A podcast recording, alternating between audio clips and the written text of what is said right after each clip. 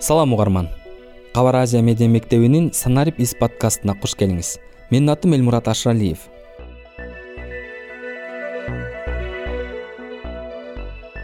эмне үчүн медиа сабаттуу болушубуз керек? Кантип медиа сабаттуу боло алабыз. Ушул жана башка суроолордун жообун санарип из подкастында берүүгө аракет кылып келатам. Бул чыгарылышта пиар пропаганда жана дезинформация жөнүндө сөз кылмакчыбыз дезинформациянын кесепеттери жана ошондой эле ошол кесепеттердин негизинде кандайдыр бир фактылар же болбосо мисалдарды айтып бере аласызбы? Пиар пропаганда жана дезинформация деген эмне? Медиа сабаттуу болушубуз үчүн алардын кандай тиешеси бар?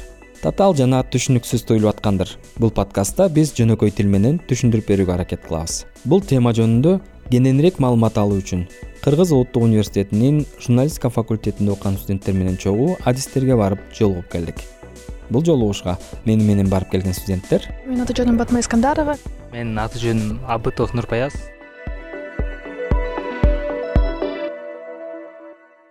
адегенде медиа сабаттуулук жөнүндө кыскача. Маалымат бул океан мухит. Ал эми медиа сабаттуулук бул ошол океандагы сүзгөндү билүү. Бул эркайым алиева. Мен үч чекит көрүп билип такта деген медиа сабаттуулук жана сынчылык жүгүртүү боюнча компаниянын редактору жана контент менеджеримин. Ал маалымат бул океан. Ал эми медиа сабаттуулук ошол океанда сүзгөндү билүү деп айтты эле. Сен эгер э, сүзгөндү билбесең чогуп кетесиң э? Медиа сабаттуулук деле ошондой. Көптөгөн маалымат агымында баардык маалыматты чогултуп окуп көрүп отура берсең сен кайсынысы сага керек экенин кайсынысы сага кереги жок экенин кайсыга ишенип ишенбеш керек экенин сен билбейсиң. Сен ал маалыматтын арасында жөн эле жоголуп кетишиң мүмкүн да ошону биз медиа сабаттуулук деп атайбыз. Медиа сабаттуулук жөнүндө жалпы киришүү катары биринчи эпизоддо сөз кылган элек эгер уга элек болсоңуз анда кененирээк маалымат алуу үчүн ошол чыгарылышты дагы барып угуп көрсөңүз болот. Эми негизги темага келсек. Азыр пиар менен пропаганда дезинформация үчөөнү өз өзүнчө карап бөлүү мүмкүн эмес себеби баардыгы бири бири менен аралашып турат. Үчөөнүн эң коркунучтуусу биринчи кезекте дезинформация андан кийин пропаганда. Пиар пропаганда жана дезинформация. Азыр ар бирине токтолобуз. Эң жөнөкөйү пиардан баштайлы. Пиар бул англис тилинен кирген сөз. Тагыраагы эки тамга. Англисче public relations деген сөздүн баш тамгаларынан куралган пи жана ар деген сөз. Кыргызча мааниси? Коомчулук менен байланышуу дегенди билдирет да. Мисалы кайсы бир уюмдун же болбосо кайсы бир көрүнүктүү адамдын компания менен коомчулуктун ортосундагы байланыштын үстүндө иштөө пиардан коркпой деле койсо болот анткени пиарды аныктоого мүмкүн да. Бул эмне анткени пиар дайыма эле бул маалыматты берүүчү эмес. Ал жөн эле өз ошол компания же болбосо уюмдун кишинин имиджин көтөрүү үчүн кандайдыр бир иш аракеттер болушу мүмкүн да. Ал сөзсүз түрдө эле коомчулукка маалымат берүү эмес. Пиар бул элдин көңүлүн өзүңө буруу. А элдин көңүлүн ар кандай жолдор менен бурса болот. Пиар жасаганда эң башкысы калп айтпай жалган маалымат колдонбоого аракет кылыш керек. Дегеним пиардын дагы көптөгөн түрлөрү бар. Мисалы биз күн сайын эле кандайдыр бир адамдар же болбосо уюмдар жөнүндө окуп угуп аткан маалыматтар ак пиар деп аталат. Бирок кээде мага кара пиар болуп атат. Кара пиар уюштуруп атышат дегендерди угуп калсаңар керек. Кара пиар бул кимдир бирөөнү жаман көрсөтүү үчүн атайын уюштурулган иш аракеттер. Сөздөр. Ошол эле пиардын сары жашыл күрөң сыяктуу түстөрү да бар экенин кыстара кетели эми пропагандага токтолсок. Пропаганда бул э, баягы латын тилинен алганда жайылтуу дегенди билдирет да. Бир тараптуу субъективдүү бир идеяны коомчулукта орнотуу дегенди билдирет да. Негизи бул он сегизинчи кылымга чейин пропаганда диний эме болгон да түшүнүк болгон ал ошо диний идеяны таркатууда колдонулуп келген. Анан он сегизинчи кылымдан баштап бул башка тармактарда дагы пропаганда сөзү колдонулуп келет да. Азыр пропаганда негизи э, баягы мамлекеттик деңгээлдеги кандайдыр бир суроолорду э, чечүүдө же болбосо саясатта аябай э, көп колдонулат да. Пропаганда саясатта көбүрөөк колдонулат деп кетпедиби? Ошондуктан айрыкча бийлик өкүлдөрү кандайдыр бир ишти жасап атканын айтса ал чындыгында ошол ишти бүтүрүп атканын билдире бербейт. Сиз алып аткан маалымат кимдир бирөөнүн бир тараптуу кандайдыр бир таңоолоосу болуп калышы ыктымал алып аткан маалыматка ар дайым сак болуңуз. Дароо эле ишене албаңыз. Алыс барбай кечеги эле өтмүшүбүздү эске салсак. Мисалы советтер союзун эстеп кетсек э кандай пропаганда болгон?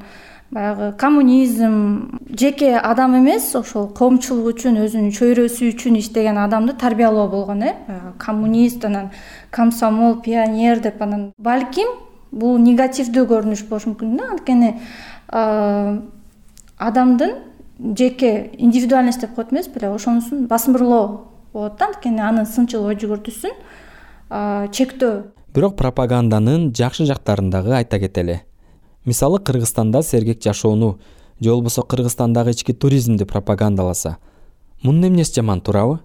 Тилекке каршы пропаганданы ар дайым эле оң көрүнүштөрдү жакшы жүрүм турумдарды жайылтуу үчүн колдоно беришпейт пропаганда көпчүлүк үчүн иштейт. Ал эми биз билгендей тилекке каршы бул биздин эле мамлекетте эмес негизи эле бүт эле мамлекеттерде сабатсыз билими азыраак калк көпчүлүктү түзөт да. Ошондуктан пропаганда кылынып жатканда текст же болбосо ошол маалымат аябай жөнөкөй берилет бир тараптуу берилет жана бат эсте калчудай болуп берилет да. Анан эгер баягы укмуш терминдер менен анын баардыгын түшүндүрүп жаза турган болсо аны эч ким деле окубайт эч кимдин деле эсинде калбайт. Ошондуктан баардыгы оңой эсте калыш үчүн ушундай ыкмаларды колдонушат да пропаганда түзгөндө. Пиар жана пропаганда жөнүндө түшүнүктүү эле болуп калды окшойт. Пиар дагы пропаганда дагы маалымдайт кандайдыр бир ойду жеткирүүгө аракет кылат. Бул жагынан алганда экөө окшош эле. Ал эми экөөнүн ортосундагы айырма эмнеде пиар бул кандайдыр бир деңгээлде жарнамага да окшошуп кетет. Кандайдыр бир нерсе жөнүндө кыскача маалымат берет. Ал эми пропаганда деле маалымдаганы менен бирок ал ошону менен токтоп калбайт. Сизге кандайдыр бир маалыматты таңуулайт. Пиар маалымдоо менен эле чектелсе ал эми пропаганда маалымдоодон тышкары таңуулап сиздин ордуңузга чечим чыгарып берет. Ошондуктан кимдир бирөө бизге кандайдыр бир ойду таңуулап атабы же жөн гана жеткирүүгө аракет кылып атабы айырмалап биле жүрөлү жана алданбоого аракет кылалы. Ар дайым сергек ой жүгүртүүгө жана акыл калчоого кылган аракетибизди токтотпойлу.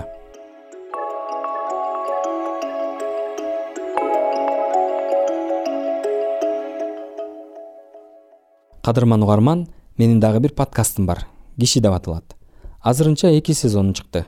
Подкасттын биринчи сезонунда өздөрү жөнөкөй бирок жасаган эмгеги тоодой кыргызстандыктар жөнүндө баяндалат экинчи сезонунда кыргызстандагы диний көптүрдүүлүк жөнүндө сөз болот. Киши подкастты apple google жана башка подкаст платформаларында жеткиликтүү. Андан тышкары кыргызстанда жана коңшу мамлекеттерде жарык көргөн подкасттар жөнүндө кененирээк маалымат алгыңыз келсе подкаст фест чекит кабар чекит азия сайтына өтүп таанышсаңыз болот. Сиз кабар азия медиа мектебинин медиа сабаттуулук темасына арналган санарип из подкастын угуп атасыз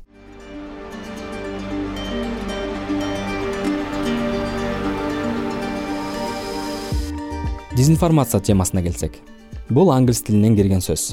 Аны бурмаланган маалымат же болбосо фейк маалымат деп түшүнсөк болот. Эсиңизде болсо фейктер жөнүндө мурдагы чыгарылыштарда кенен токтолгон элек. Уга элек болсоңуз экинчи жана үчүнчү чыгарылыштарды дагы барып угуп көрсөңүз болот. Фейк сүрөт болушу мүмкүн видео болушу мүмкүн сөз болушу мүмкүн ар кандай түрдө болот да фейк аккаунттор деп да жүрөбүз. Ал эми фейк ньюс бул коомчулукка таасирин тийгизе турган жаңылыкты фейк ньюс маалыматты фейк ньюс деп атайт.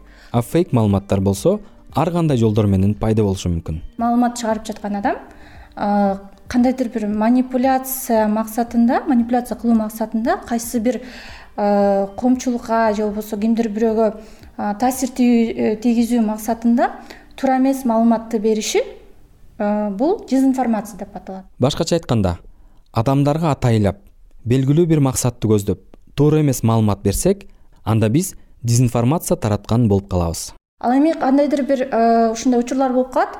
Э, маалымат кокусунан туура эмес болуп калып анын ал маалымат чыгаруучунун башында кандайдыр бир жаман максаты болбошу мүмкүн. Бирок ошо кокусунан кандайдыр бир жаңылыштык кетип калса ал мизинформация деп аталат да. Бирок кандай болгон учурда дагы туура эмес маалыматты атайлап тараттыбы же болбосо байкабай таратып алдыбы? Эки учурда тең маалымат жалган же болбосо фейк маалымат болуп эсептелет. Ошондуктан алган маалыматты ар дайым бир нече булактан текшерип салыштырып көрүп андан кийин гана бир чечимге келишибиз керек. Анткени дезинформациянын же болбосо туура эмес маалыматты атайлап таратуунун кесепеттери оор болуп калышы толук ыктымал. Бул боюнча адистер менен жолугушууга барган батмандын суроосуна кулак салсак дезинформациянын кесепеттери жана ошондой эле ошол кесепеттер негизинде кандайдыр бир фактылар же болбосо мисалдарды айтып бере аласызбы?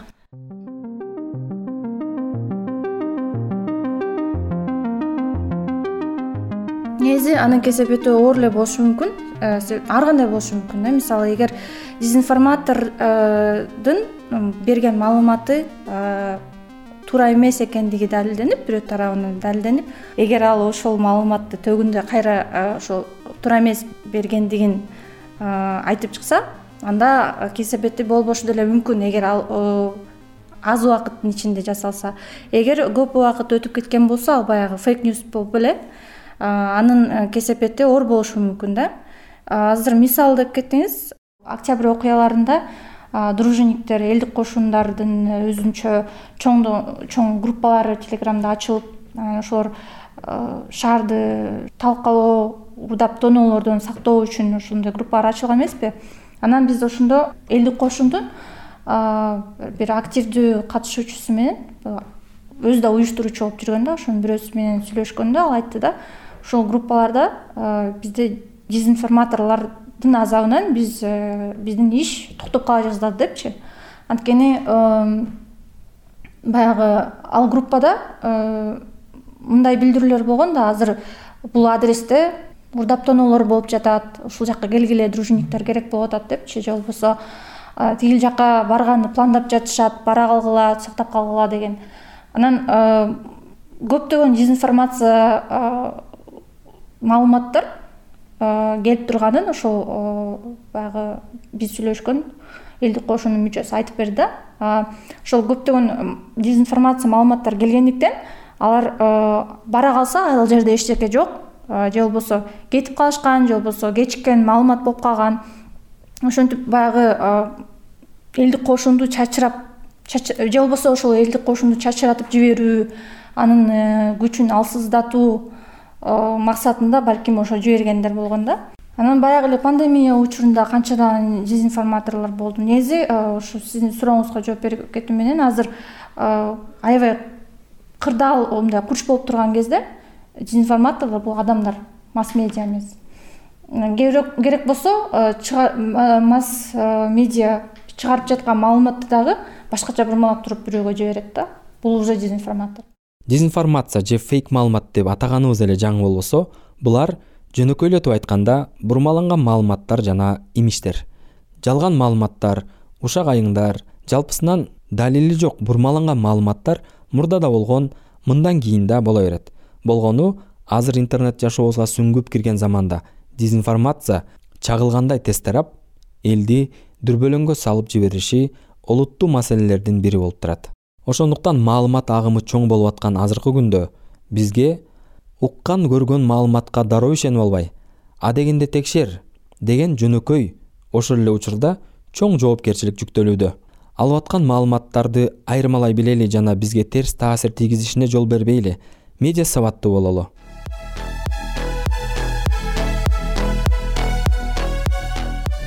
ушуну менен санарип биз подкастынын төртүнчү эпизоду аягына чыкты.